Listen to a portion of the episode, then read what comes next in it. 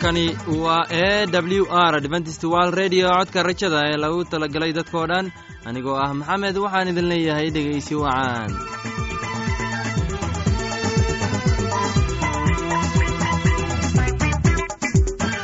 barnaamijyadeena maanta waa laba qaybood. Qaybta koowaad waxaad ku maqli doontaan barnaamijka nolosha qoyska uu inoo soo jeedinaya hegan kadib waxaa inoo raaci doona cashar inaga imaanaya bugga nolosha uu inoo soo jeedinaya sulayman labadaasi barnaamij ee xiisaha leh waxaa inoo dheer heese daawacsan oo aynu idiin soo xulnay kuwaas aynu filayno inaad ka heli doontaan. Dhegeystayaasheenna qiimaha iyo khadradda leho waxaynu kaa codsanaynaa inaad barnaamijkeenna si haboon u dhegeysataan haddii aad wax su'aalaha qabto ama aad haysid wax tala ama tusaale fadlan inala soo xiriir dib ayaynu kaaga sheegi doonaa ciwaankeenna bal intaynan u guuda galin barnaamijya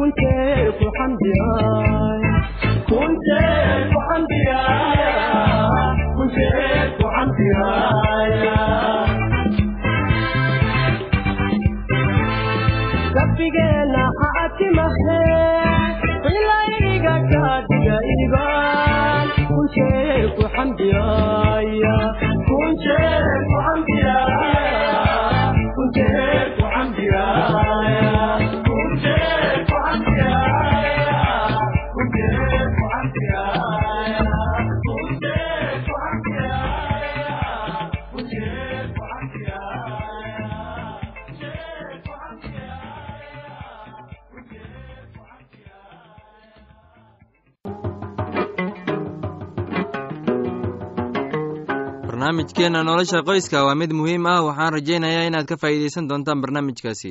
Barnaamijku wuxuu ka hadli doonaa gabdhaha dhallinyarada waxaana inoo soo jeedinaya heegan ee dhegeysi wacan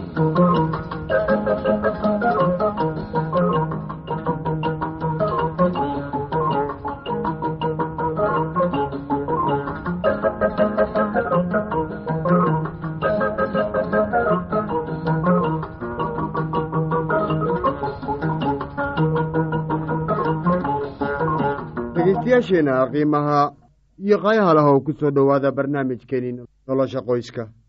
Waxaa halkaa idinka sii wadi deennaa taxanaheennii tiin eidgeel haddii aynu sugno ilaa ay ka waaweynaanayaan carruurtu ma dooni doonaan inay wax caawiyaan si dhaqsiyana wax uma baran karaan.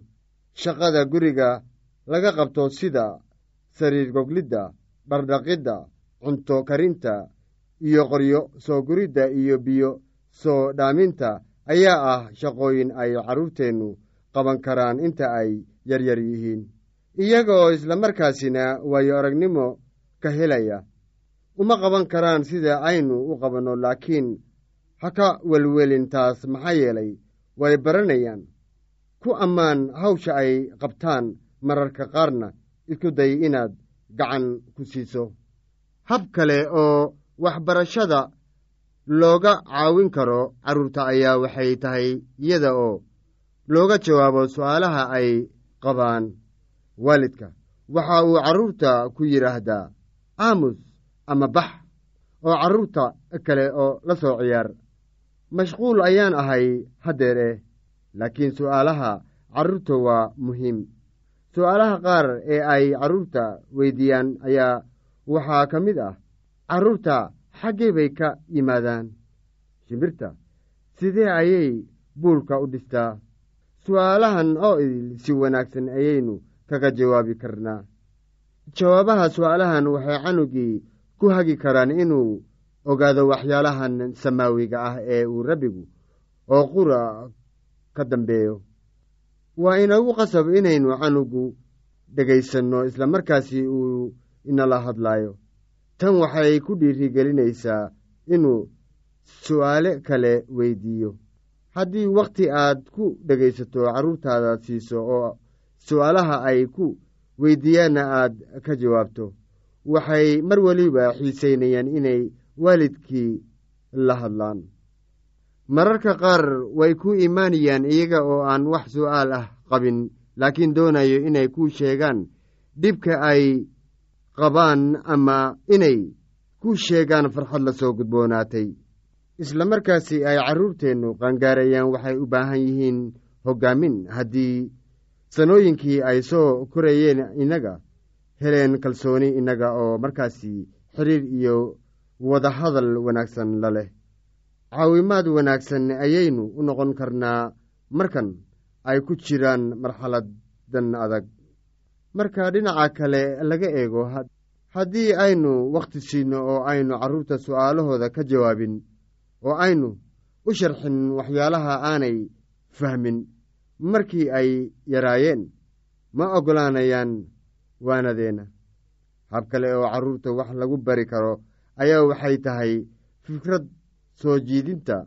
Waxaa dhici kartaa in canugu raaco fikrad aynu soo jeedinnay markii loo fiiriyo amar aynu bixinnay kaba soo qaad in gabar saddex jir ah ay baraadho ka goosay beerta.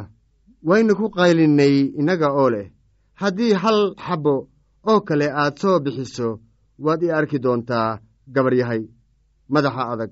Haddii gabadhu tahay mid dhib badan waxaaba laga yaabaa inay baraadhahaada kale soo bixiso. Laakiin haddii aynu ku odhanno ugee baraadhahan hooyo in ku filan waa soo saartay. Waxaa dhici kartaa inay hooyadeeda u geyso oo ay ku addeecdo iyada oo aan baraadho kale soo bixinaynin. Miyaad aragtaa waxaa dhacay? Qofkii isaga oo isticmaalaya xirfadda fikradda soo jeedinta ayuu gabadhii waxa uu ka yeelayaa inay addeecdo iyada oo ku faraxsan. Ama waxaa dhici kartaa inuu jiro hal sabuul oo ah oo duban ee labada carruur ee ugu yaryar ay doonayaan inay cunaan. Hooyada waxay ku odhan kartaa iska hilmaama hunguri weynidiinna kala jebi sabuulka oo qaybi sii walaalkaa ama walaashaa haddii kale waad weynaysaan sida ugu wanaagsan ee xaaladda lagu xallin karo ayaa waxay tahay fikrad soo jeedinta walaalayaal. Barnaamijkeennii waxa uu ku egyahay halkaasi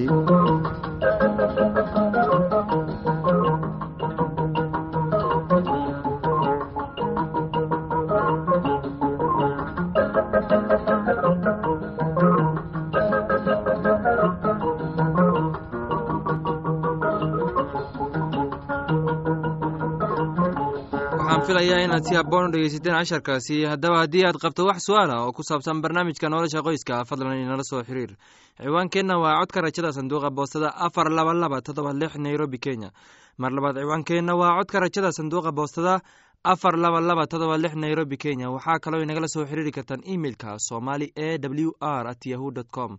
Mar labaad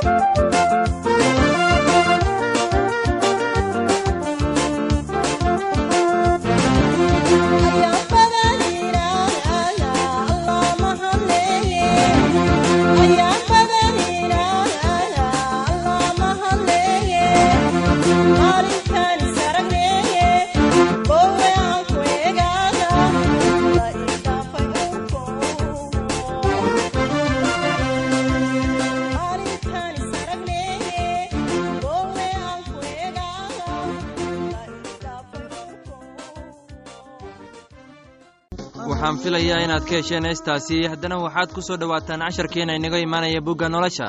Casharkeenna wuxuu ku saabsan yahay falimaha reer banu israa'iil iyo juda. Waxaana inoo soo jeedinaya sulaymaan ee dhegeysi wanaagsan.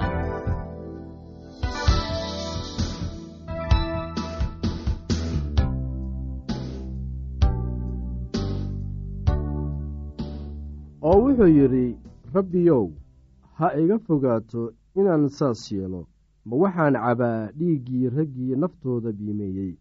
Sidaas daraaddeed wuu diiday inuu cabo oo saddexdii nin oo xoogga badnaana saasay yeeleen. Oo saddexdoodana waxaa madax u ahaa abishaay oo ahaa yo-aab walaalkiis oo ay suuriyaah dhashay. Oo kaasuu wuxuu waran u qaatay saddex boqol oo nin wuuna wada laayay.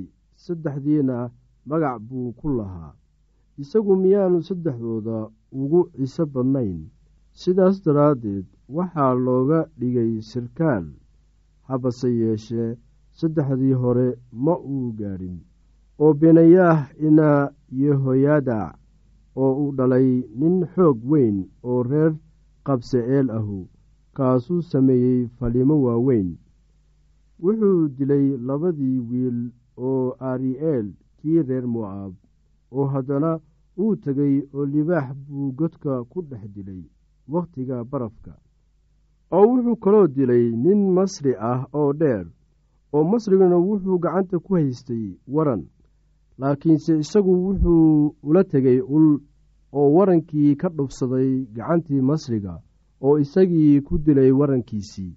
Oo waxyaalahan waxaa sameeyey beenayaah ina yahoyadaac oo isna saddexdii nin ee xoogga badnaa magac buu ku lahaa oo weliba isagu wuu ka ciso badnaa soddonka laakiinse ma uu gaadhin saddexdii hore.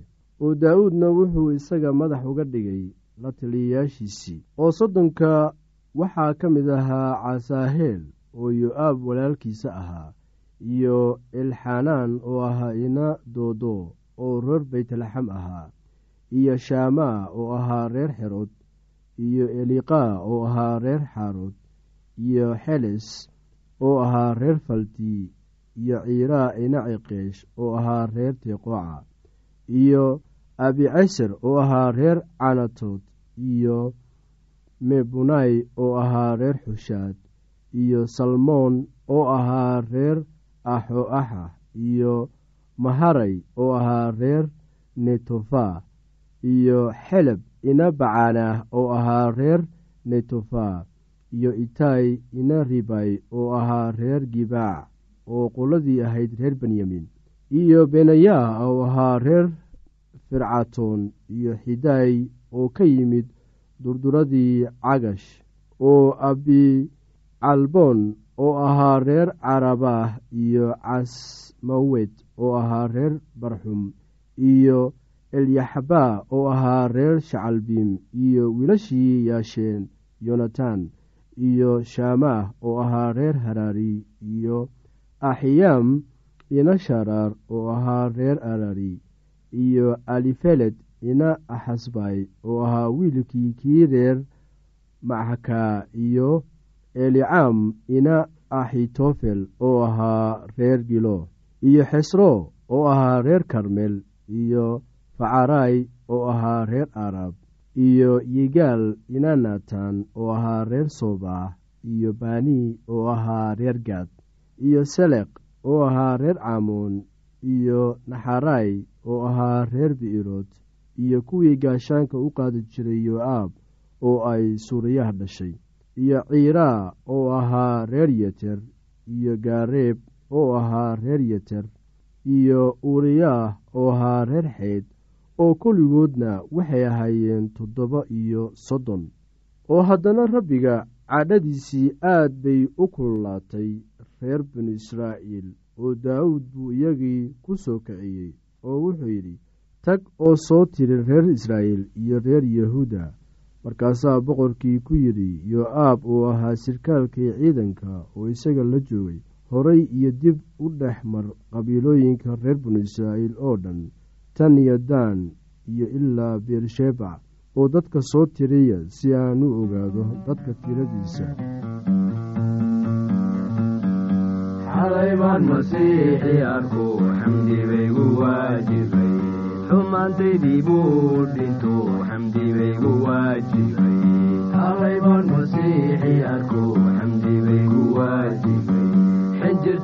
buu igu dhaqo xamdi baygu waajibay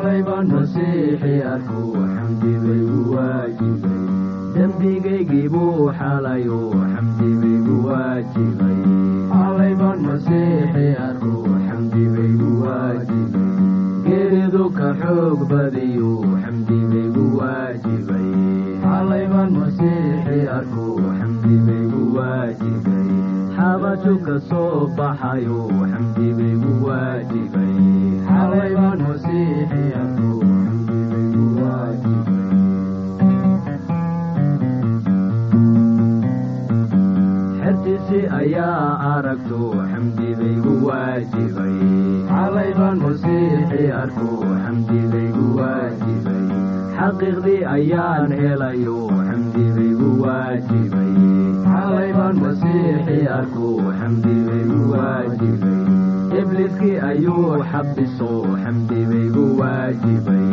Xalay baan masiixi arku xamdi baygu waajibay. Cadaabtii xorbaanka ahoo xamdi baygu waajibay. Xalay baan masiixi arku xamdi baygu waajibay. Iimaankaygii baa xasilo xamdi baygu waajibay. Xalay baan masiixi arku xamdi baygu waajibay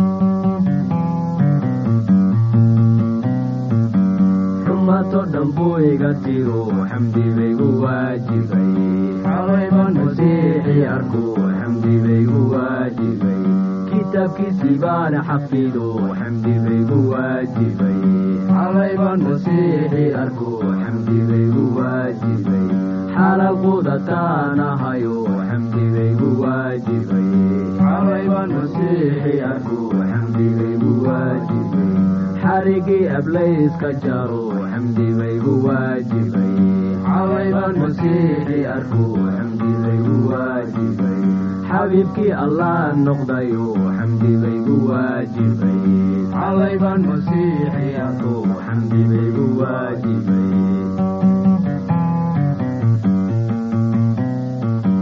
quduskay xiriiriyayo xamdi baygu waajibay xalay baan masiixi arku xamdi baygu waajibay xakinkan xusuusanaho xamdi baygu waajibay xalay baan masiixi arku xamdi baygu waajibay jannada la soo xarmado xamdi baygu waajibay xalay baan masiixi arku xamdi baygu waajibay lay xisaabin maayo baro xamdi baygu waajibay xalay baan masiixi arku xamdi baygu waajibay xalay baan masiixi arku xamdi baygu waajibay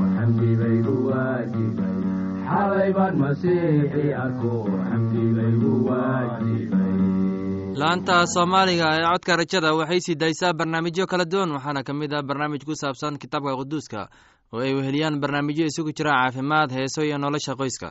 Casharkaas inaga yimid bugga nolosha ayaan ku soo gabgabaynaynaa barnaamijyadeena maanta.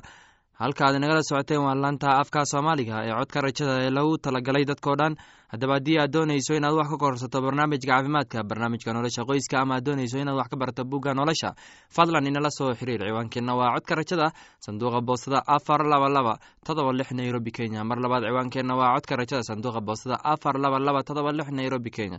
Waxaa kaloo inagala soo xiriiri kartaan emeilka somali e w r at yahu dt com. Mar labaad emeilka waa somali e w r at yahu dt com. Dhegeystayaasheenna qiimaha iyo qadarinta mudan waxaan idin leeyahay sidaas iyo nabadgelyo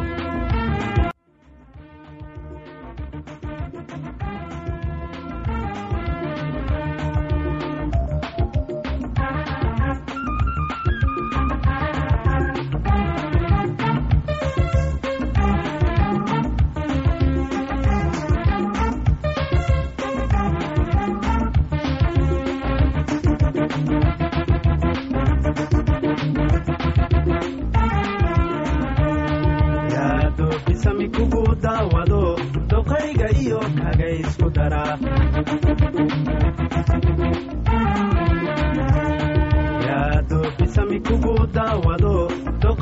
Iyo kaga isku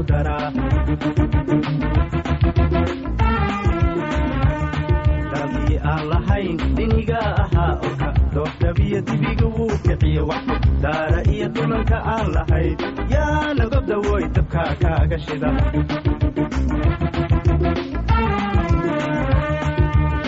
aan lahayn diniga ahaa oka doobdabiyo dibiga wuu kiciye wax daara iyo dulanka aan lahayn yaa nagobdawoy dabkaa kaaga shida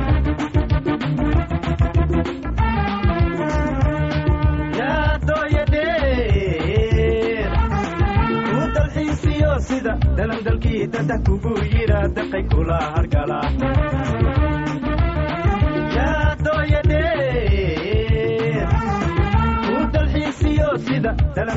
Dadah kugu yidhaa daqay kula hargala. Yaa ducaysane cudurrada wax dila daahi nooga xidha yaa ducaysane gajadiya duliga duunya kaaga dhaqa. Yaa ducaysane